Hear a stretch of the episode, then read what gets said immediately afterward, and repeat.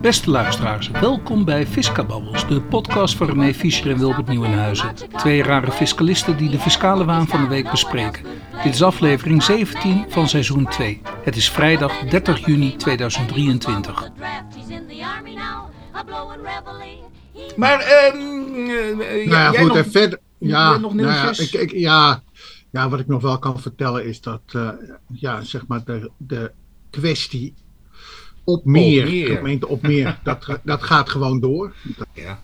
dat, is, dat, eh, dat, dat gaat gewoon door. Nou, wat, wat, wat hebben we eh, deze week hebben we meegemaakt? Nou, Jongen, joh, het is wel elke week nieuws, hè. Rob Meer. Ja, is elke week nieuws en nog meer. Eh, de WO-indiener kreeg een brief.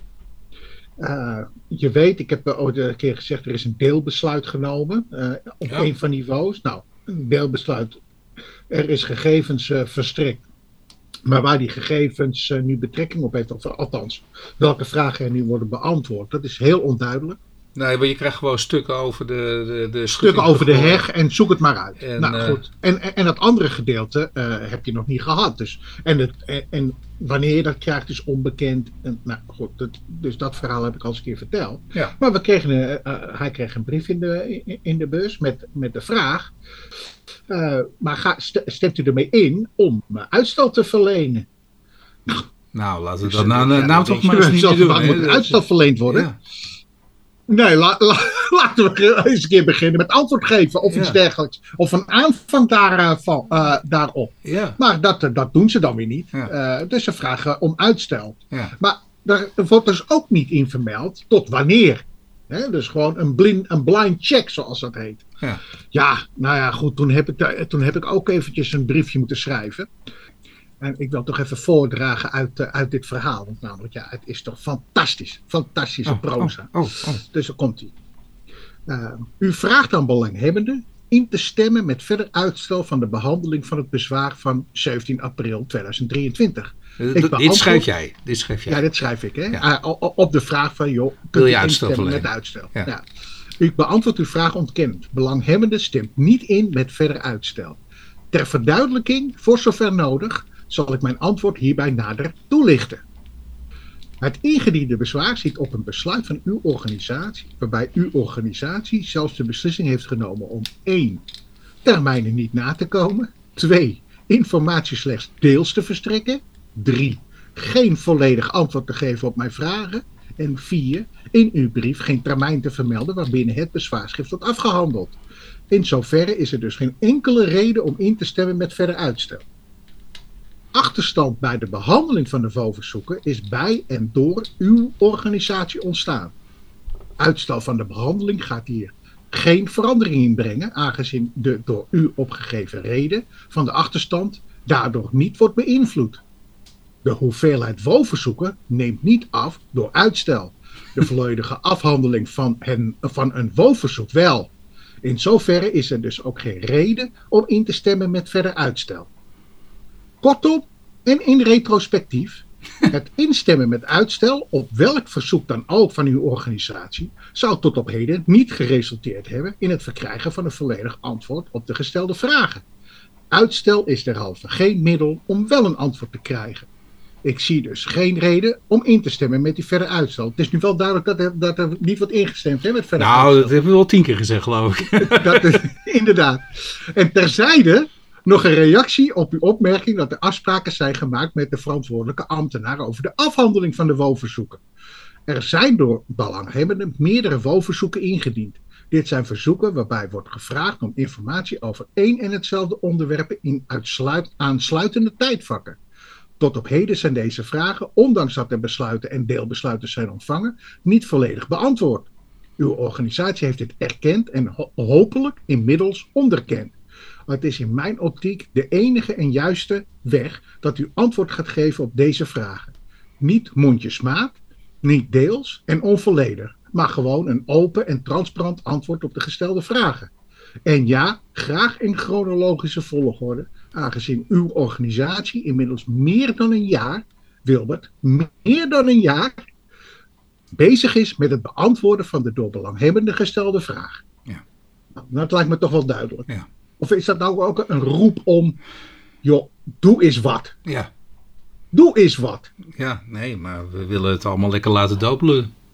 Ja, dat lijkt wel zo. Ja, dan gaan we uitstel aanvragen. Nou, je moet je voorstellen, kijk, die machine voor, uh, voor projectontwikkeling, die gaat ook gewoon door. Ja. Alhoewel ik me afvraag, gezien de huidige tijdsgevricht, hè, hogere rente en eh, steeds meer verplichtingen opleggen aan projectontwikkelaars, of het allemaal wel zo eh, succesvol eh, eh, lijkt. Oh, maar aan de andere kant, die projectontwikkelaars hebben de grond zeer goedkoop verkregen. Dus, hè, eh, eh, dus er zit nogal wat marge in.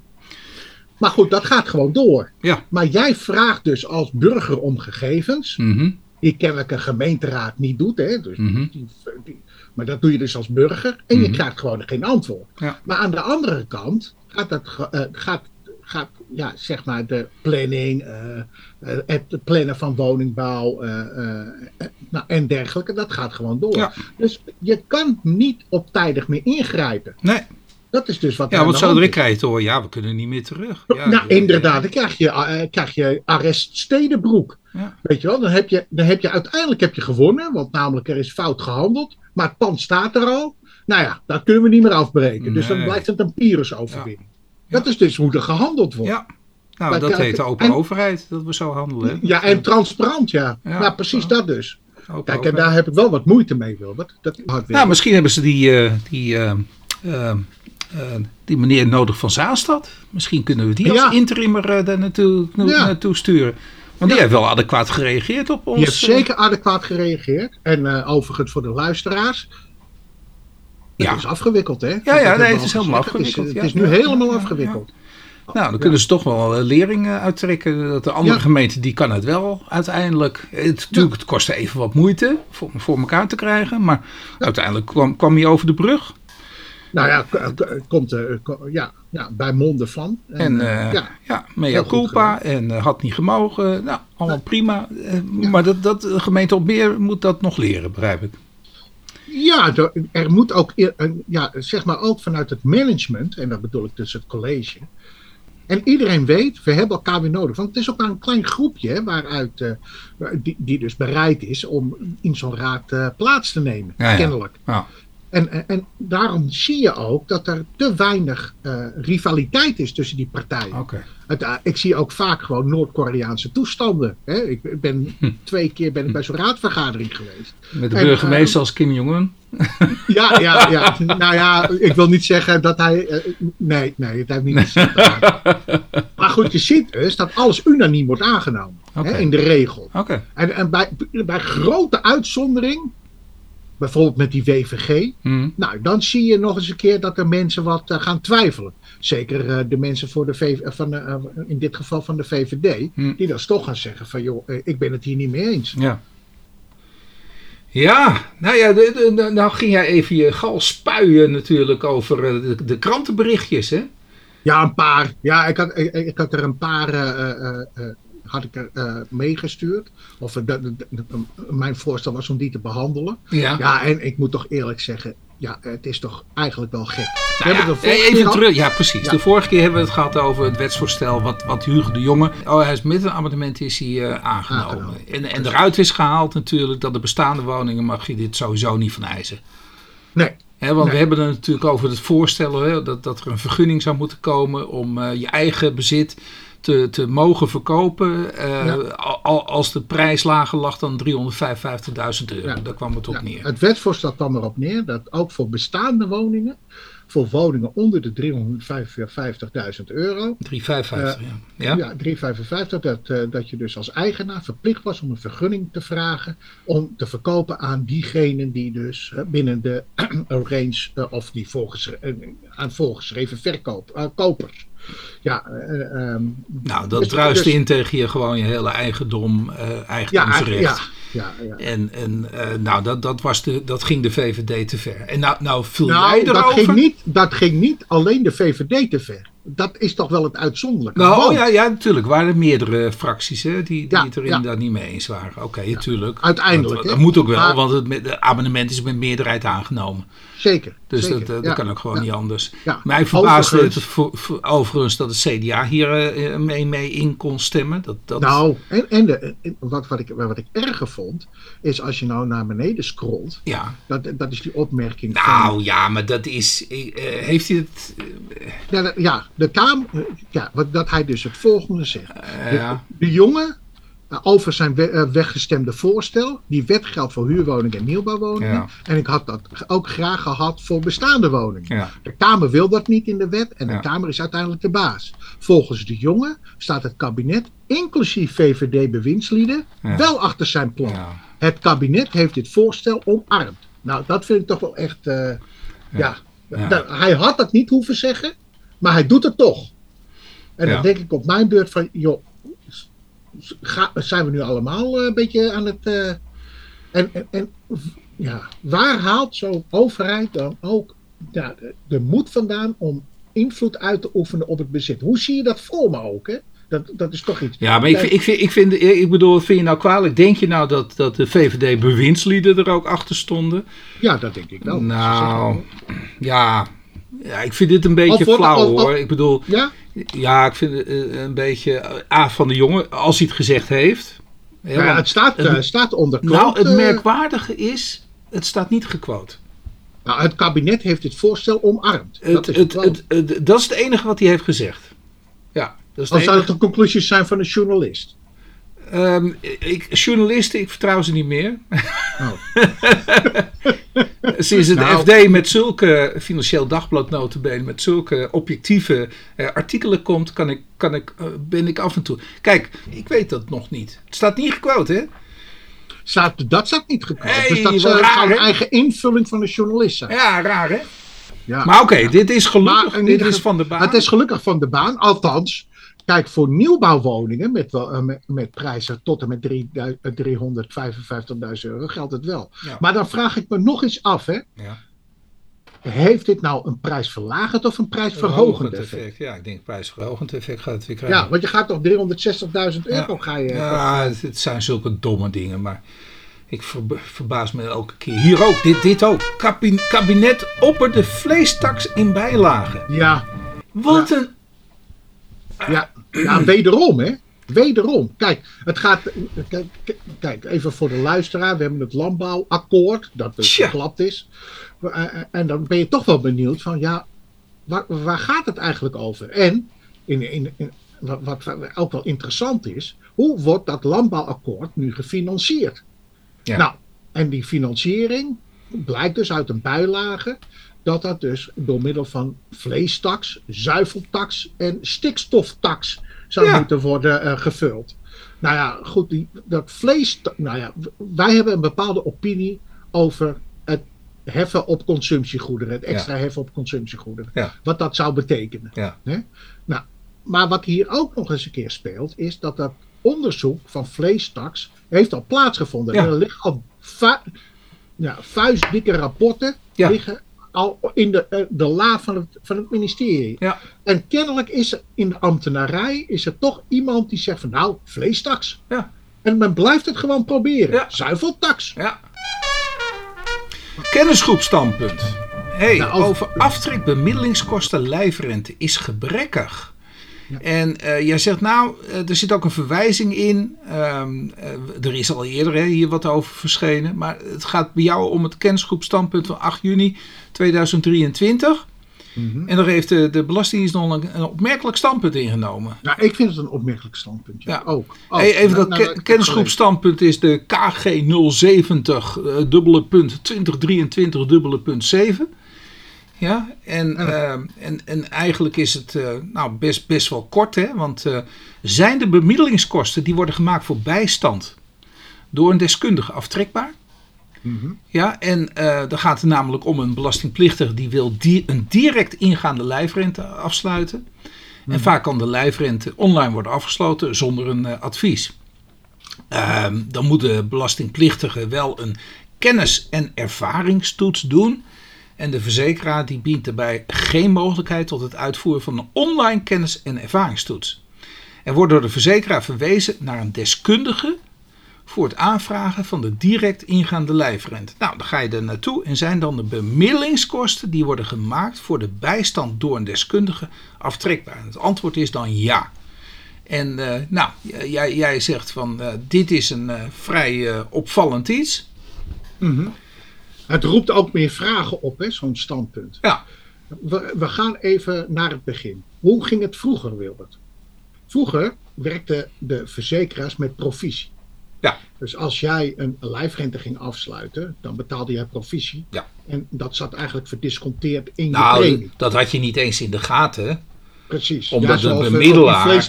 Ja. Omdat de bemiddelaar, die had een, uh, eigenlijk een beetje een belangenverstrengeling. Want die had zich al gecommitteerd natuurlijk met een verzekeraar. En, en daar kreeg hij dan een provisie van voor iedereen die hij wist aan te dragen. Ja. Toch? En dan, ja, en dan kreeg je dus ook een obje, objectief uh, advies. Kreeg je ja, dan. heel objectief. Want je moet Heel naar, de, naar, naar degene die mij zo direct gaat betalen.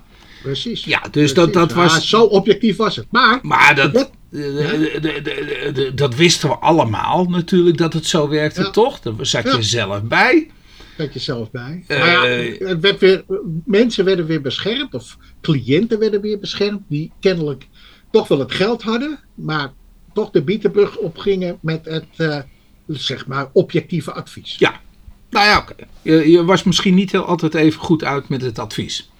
Nee, maar de, de wetgever vond het nodig om diegene weer te beschermen. Ja. Dus wat deed men? Men schafte de provisieregeling af. Nou ja, schafte niet af. Dat mocht niet meer. Sterker nog, ja, het mocht niet meer. Ja, je moet het wel even. Ik bedoel, ik heb moeilijke provisieregeling afschaffen. Nee, Nee, je mag het niet meer doen op die je mag manier. het niet meer doen. Je mag Ja, je moet transparant Het zijn. werd verboden. Transparant. Dus, je moest dus advies vragen. En dat advies werd, nou, daar werd een rekening voor gestuurd. Dus uren maal tarief of eh, Ja. eh, budget. Maar in ieder geval er werd een rekening verstuurd. Ja. Nou, wat heeft de wetgever toen gezegd? Van nou, op het moment dus dat jij een lijfrente bedingt of anderszins, dan zijn die kosten in principe niet aftrekbaar. Ja. Nou, maar wat gebeurt er nu? Dit is dan een direct ingaande lijfrente. En, eh, en het is hetzelfde advies, hè, want namelijk je moet het zo zien, die direct ingaande lijfrente, die volgt uit bedragen die je in het verleden hebt betaald. Of één bedrag die je in het verleden hebt betaald. En nu heb je dat advies nodig. En nu wordt er gezegd van ja, afzonderlijk is dus die kosten zijn aftrekbaar en dat zou volgen uit artikel 308 wet IB. Ja. Nou, dat is dus best wel raar, want in, in, in, vorige eh, wetgeving werd gezegd van joh, die, die kosten zijn juist niet aftrekbaar. Mhm. Nou, en wat krijg je nu? Eh, vragen die dus daarop eh, op teruggaan. Hebben we nu een ander standpunt? Geldt dit alleen maar voor direct ingaande lijfrente? Gaat het ook nog op voor eh, eh, zo direct voor eh, af te sluiten lijfrentes, voor advies die je daarover vraagt? Ja, je kan, je kan het zo gek niet bedenken. Of zit hem echt die crux nu in dat direct ingaande lijfrente? Ja, nou ja, goed. Maar is er een reden voor om het alleen te beperken voor de direct ingaande lijfrente? Ja, nou ja, goed. Een doorslaggevende reden dat je zegt ja, maar dat is de reden waarom. Oh, dat, dat zeg je nou eigenlijk niet. Hè? Ik begrijp Nee. ook wel een beetje dat je dat ook niet kunt begrijpen. nee. Dus er komt een nieuw. Dus ja, dat, dat is dus dus het komt binnenkort en er wordt vervolgd. Ja, ja. Ik neem aan dat, eh, hoe rekkelijk is zo'n kennis, eh, kennisgroep advies nu? Hè? Ehm, een nieuw systeem voor belastingrente per 1 januari 2024. René. Nou, wat vind jij hier nou van? Eh, we hebben het over 4 en 6 procent, toch? Nee, 10,5 procent. 10,5 procent, Wilbert. 10,5 procent. Daar hebben we het over. Maar- ja. Nou ja, goed. In ieder geval, eh, voor de luisteraars. De staatssecretaris Van Rij wil per 1 januari 2024 een nieuw systeem voor belastingrente invoeren. Momenteel wordt onderzocht, onderzocht welk scenario beleidsmatig het meest wenselijke is. Nou, waar gaat het om? Het percentage belastingrente voor de VTB en bronbelasting is vanaf 1 maart 2023 bevoren op 8%. 8%. Dat is al hoog, hè? Dat is al hoog, hè? Ja, krijg ik dat op een bankrekening? Nee. Maar ja, goed, we zijn nou eenmaal ondernemers, dus Ja. kennelijk moeten we dat allemaal maar betalen. Maar nu, dit, dit percentage blijft staan tot een nieuwe. De te vergoede rente voor de VPB is wel verhoogd naar 10,5%, omdat anders sprake zou zijn van terugwerkende kracht in het nadeel van het belastingplichtige. Nou, dus kennelijk, voor, als je dus iets vergoedt, gaat het 10,5% opleveren.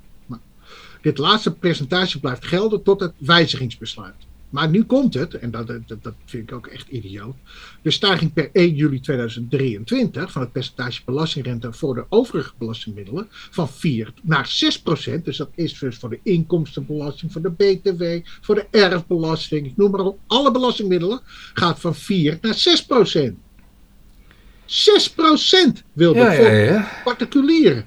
Ik heb nog geen bankrekening gezien die mij 6 procent geeft. Nee. Echt niet. Wa- waarom is het nou niet mogelijk om aan te sluiten bij de daadwerkelijke rentepercentages, eh, René? Ja, dat weet ik niet. Dat weet ik niet. Of wat kunnen dus- ze dat automatiseringstechnisch niet aan? Ja, weet je, als er elke keer dat excuus wordt, eh, wordt aangevoerd, ja, dan wordt het ook wel, dan wordt het ook wel zo'n, eh, ja, haast een dogma, hè? Maar dit, dit, dit beginnen zo langzamerhand gewoon ordinaire belastingheffingen te worden. Nou, Wilbert, precies dat dus.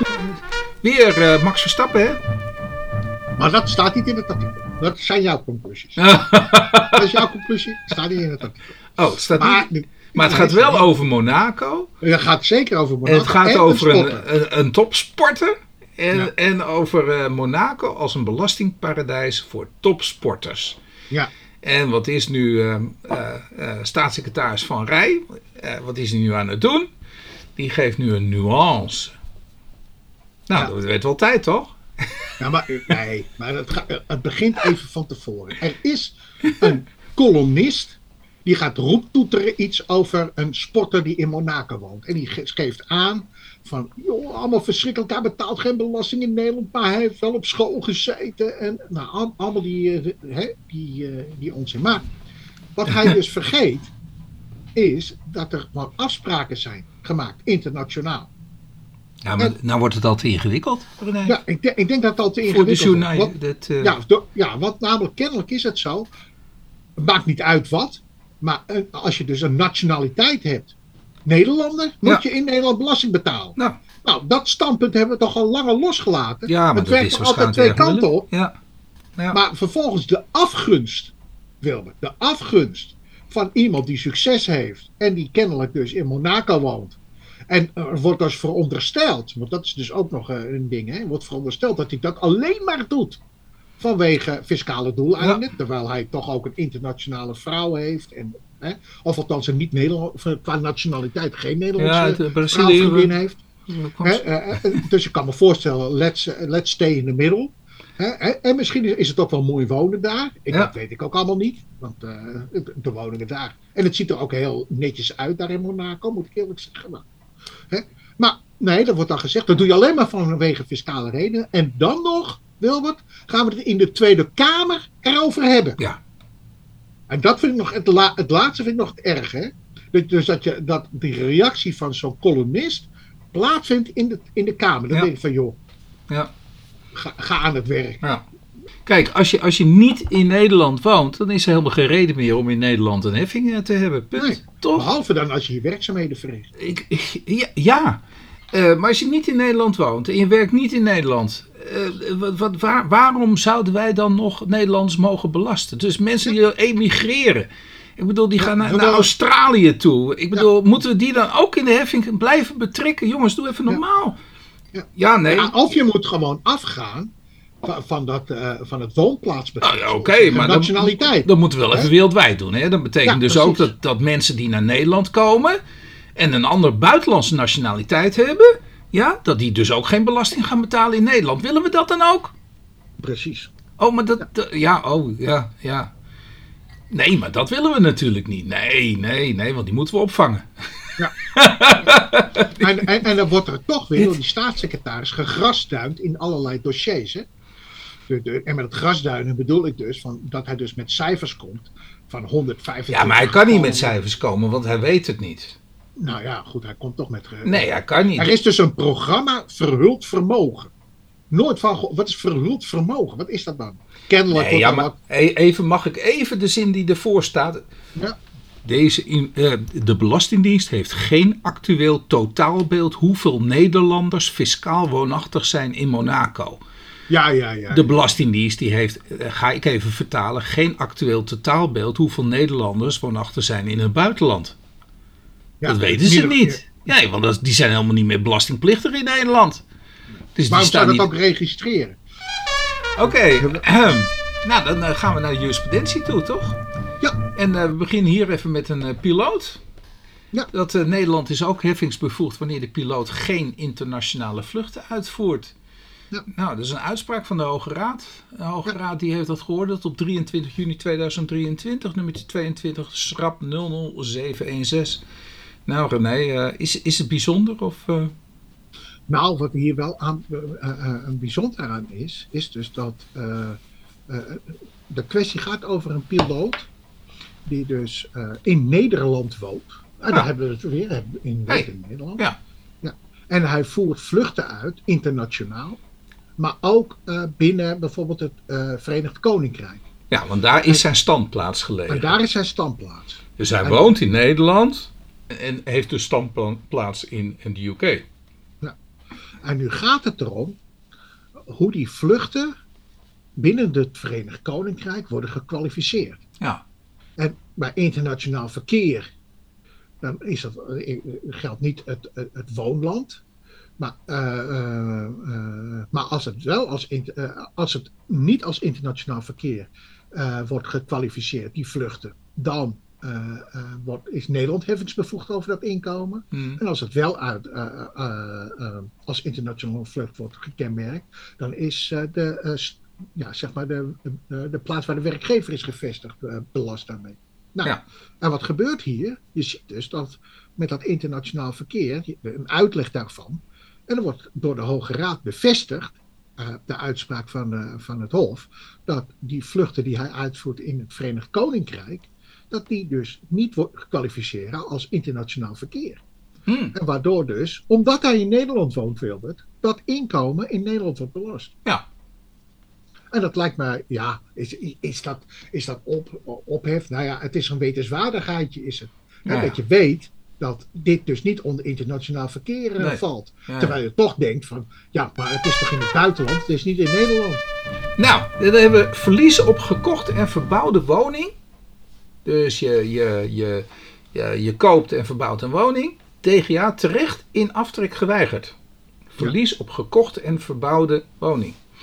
Nou, Zo overigens Hofzertogenbos, eh zaaknummer BKTH 22 schrap 00219 van 14 maart 2023. En waar gaat het hier om? Het gaat erom eigenlijk een klassiek verhaal. Eh, nou, eigenlijk is het ook niet zo'n klassiek verhaal, maar eh, het is ook best wel ingewikkeld. Nou, ook niet ingewikkeld, maar als je het uitlegt, dan kom je er wel uit. De je hebt een XBV en die zijn in handen van Q. Eh, XBV exploiteert een agrarisch bedrijf.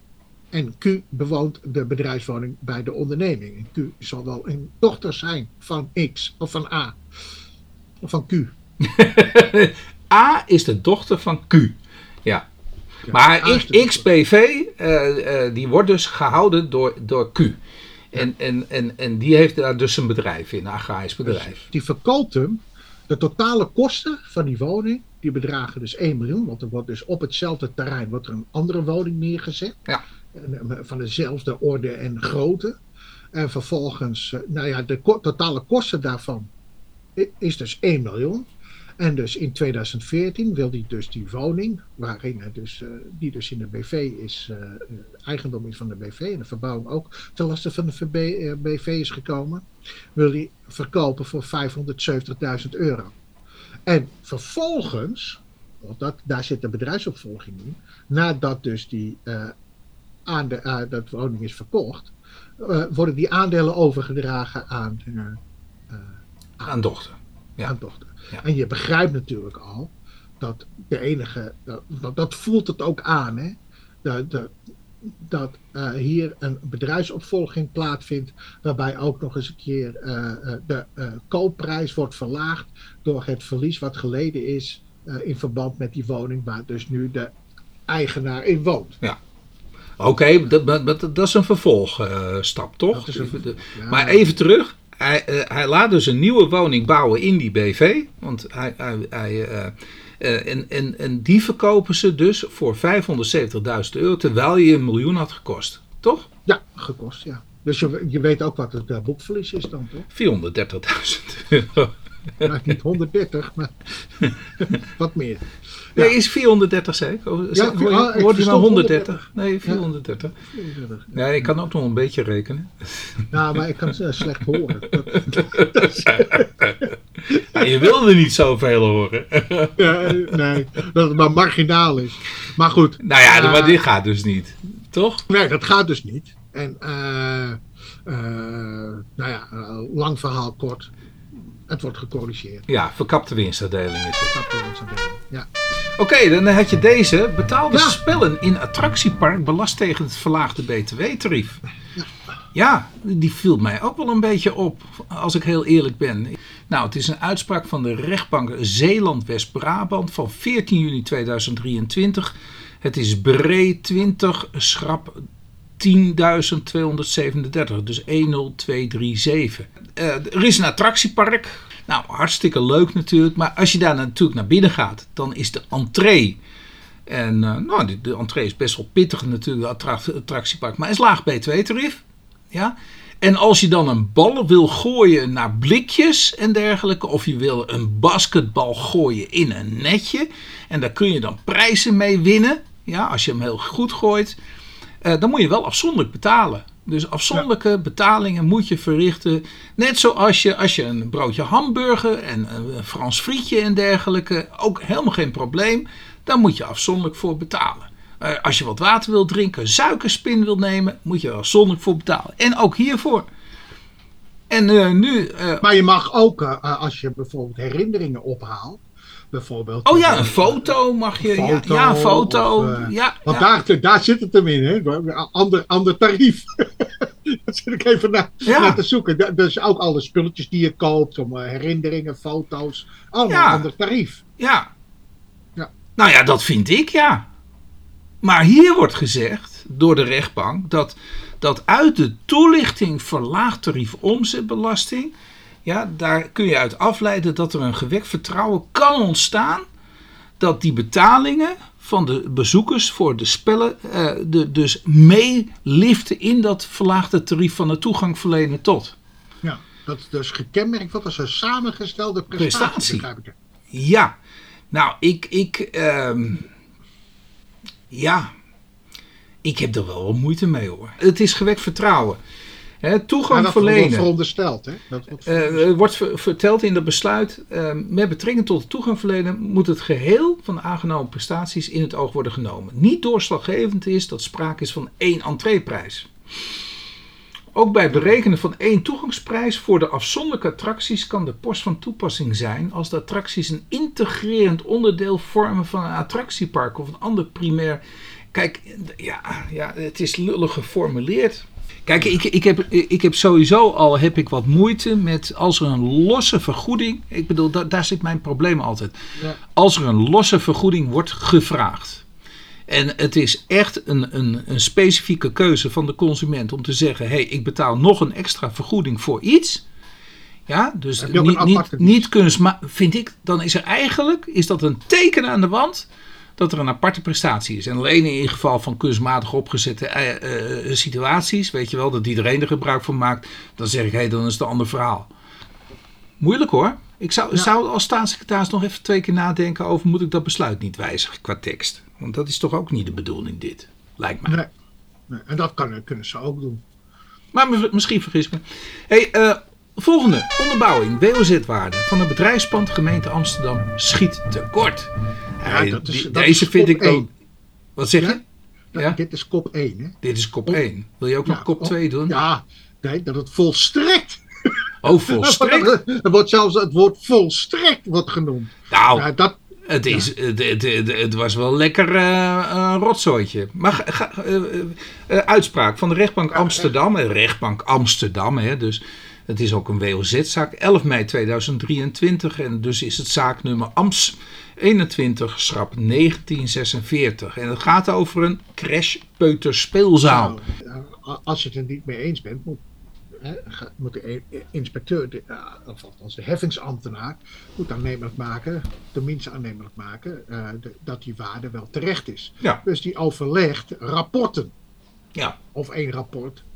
En uit dat rapport blijkt niet duidelijk wat de uitgangspunten zijn. Nou, dat neemt de eh, rechtbank, eh, de heffingsambtenaar, wel kwalijk. het is een Dat- black dat- boxje weer, hè?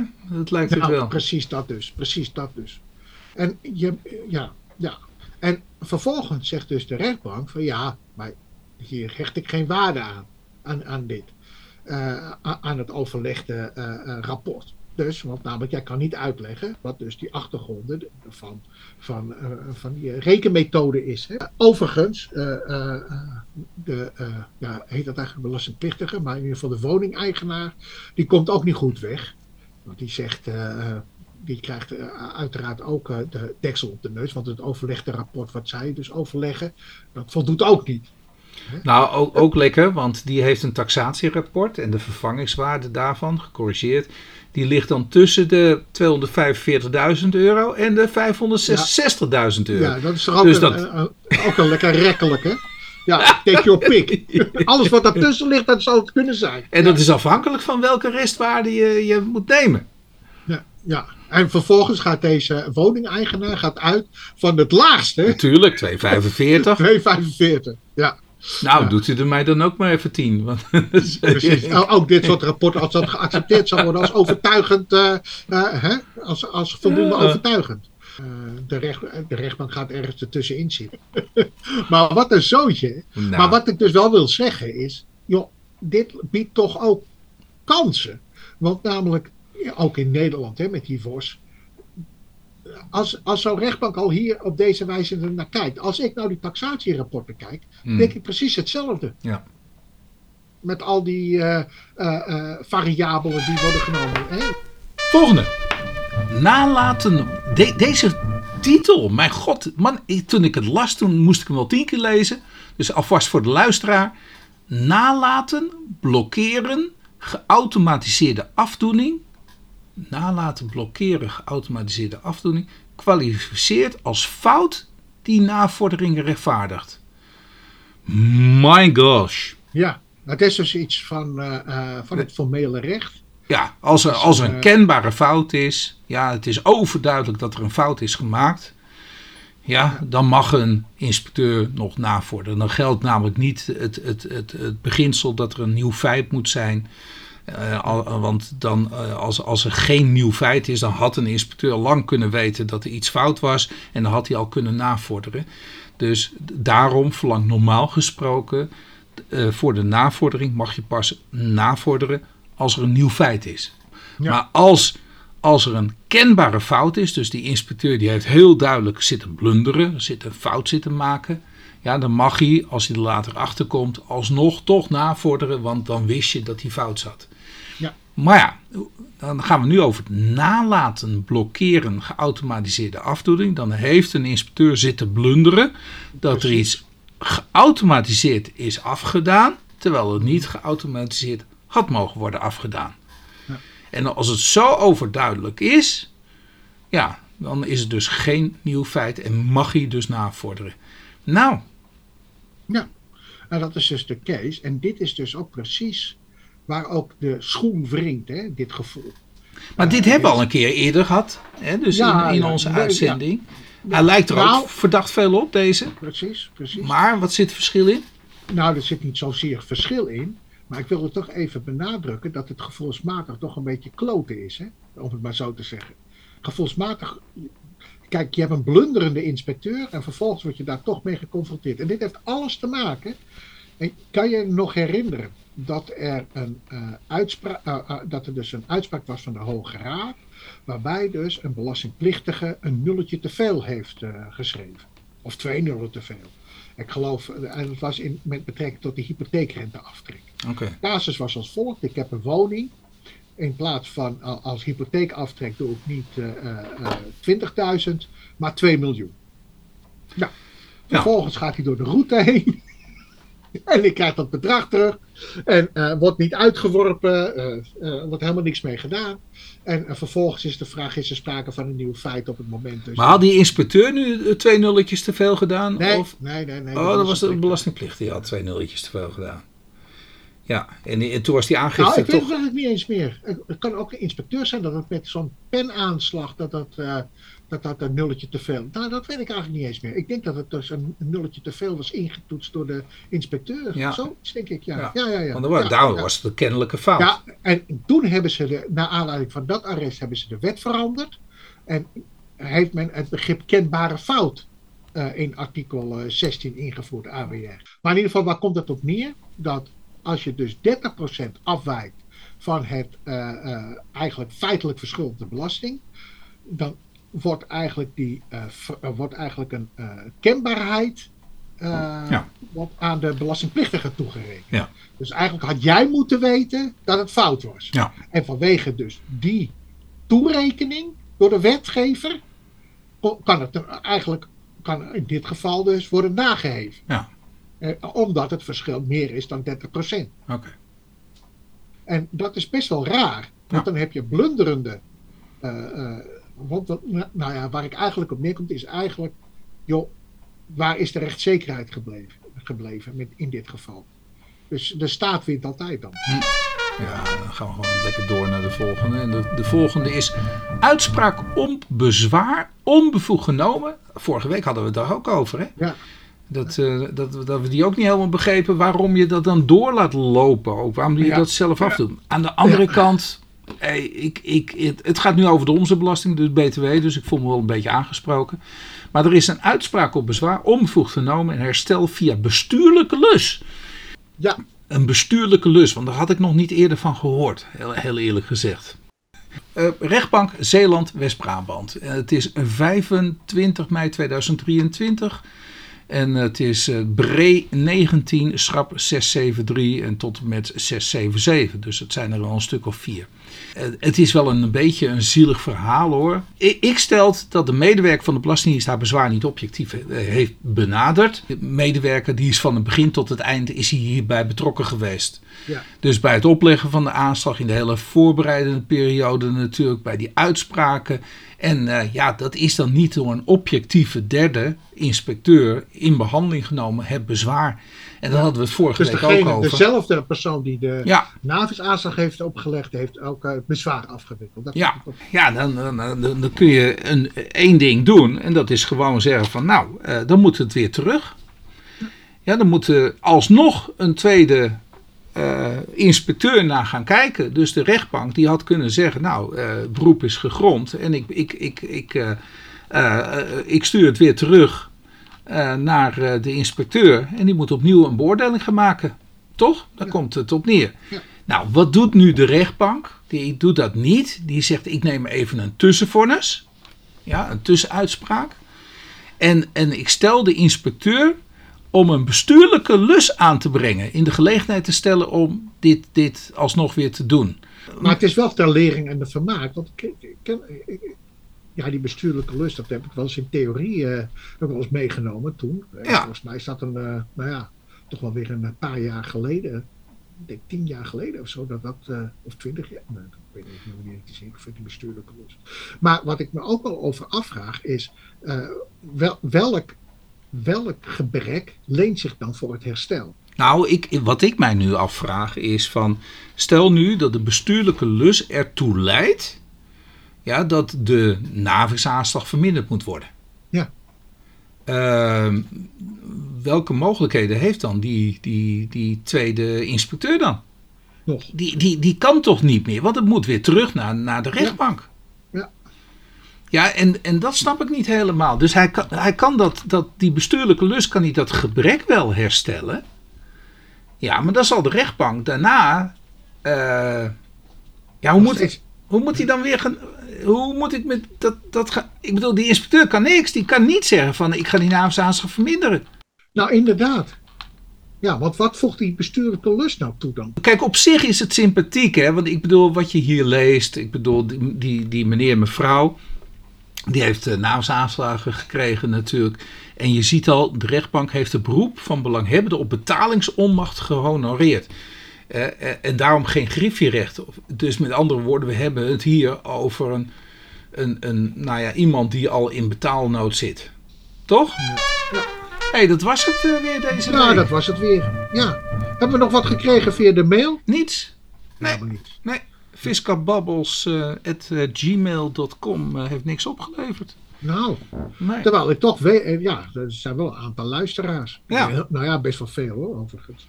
Alleen, ja, niemand die reageert. Ja, misschien moeten we toch eens denken, Wilbert, dat we op een andere manier onze podcast aanbieden. Oké, okay, ik vertel. weet nog niet hoe. Ik weet nog niet hoe. Ja, met sponsoring. Mijn dochter had het nog eens over. Ja. Van je moet gewoon een donatieknop invoeren. Hmm. Nou ja, en als je dan vraagt van ja, regel het maar. Ja, dan. Uh... Nou, wat we wel zouden kunnen doen, maar ja, dan maken we ook wel weer kosten. Maar het is een idee dat we een website uh, maken en dus al onze afleveringen uh, aanklikbaar laten zijn. Zal, zal ik eens kijken wat ik uh, iets, ja, eens even kijken. Ja. iets leuks ja, kan moet, maken? Ja, nou, moet eens even kijken. Ja. nou, nou, ja, weet je, ja? Het, op internet zie je nu ook al dat onze afleveringen allemaal, die worden gewoon, als je Google Fiskababbels in, invult, dan staan al onze afleveringen op internet. Allemaal. Okay. Okay. En bij diverse uh, uh, providers hè, of platforms. Okay. En wat je vaak ook ziet met die podcast is word lid of ja. uh, abonneer. Of, ja. uh, en dan schijnt er toch ergens een, een verdienmodel erin te zitten. Maar mm. weet je wat het bij, voor, uh, ja, voor mij geldt het in ieder geval, maar ik denk voor jou ook. Wij hebben gewoon leuker in. Dus dat maakt ons eigenlijk helemaal niet zoveel uit. Dus we, stellen, we hebben daar geen prioriteit. Hè? Nee. We stellen daarin geen prioriteit. Ja, zo... je zit mij al aan te kijken. Joh, doe niet zoveel moeite. Dat, uh... Nou, kijk, ik, ik zit. Kijk, jij hebt ooit eens een keer gezegd dat een luisteraar ons had geadviseerd van neem nou een plugger. Plugger. Ja. Misschien moeten we daar ook eens over nadenken. Ja, dat zei André. Maar André die, die reageert, die, die heeft al een lange tijd niet geluisterd naar ons programma, denk ik. En dit nou, moet hem dan al... triggeren natuurlijk als hij dit ja, hoort van hé, hey, nou moet ik reageren. Ja. André A. Nou, als hij dus dat hele programma afluistert ook. Hè? André A.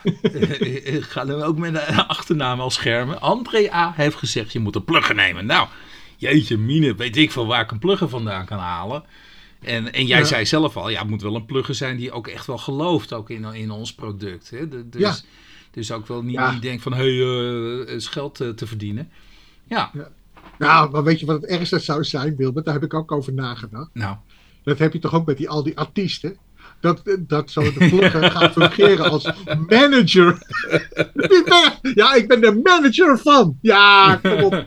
De manager. Ja. Dan kunnen we beter een van de kinderen dan. Ja, maar dan is de artiest.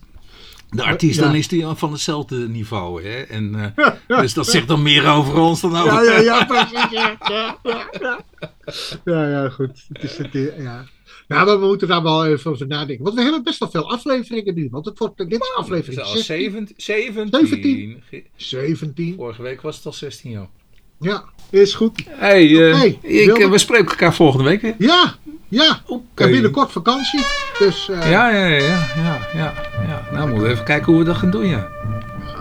hey, ik, ik ga eindigen. Is goed. Oké, okay, bye bye. Doei, doei. hoi, hoi.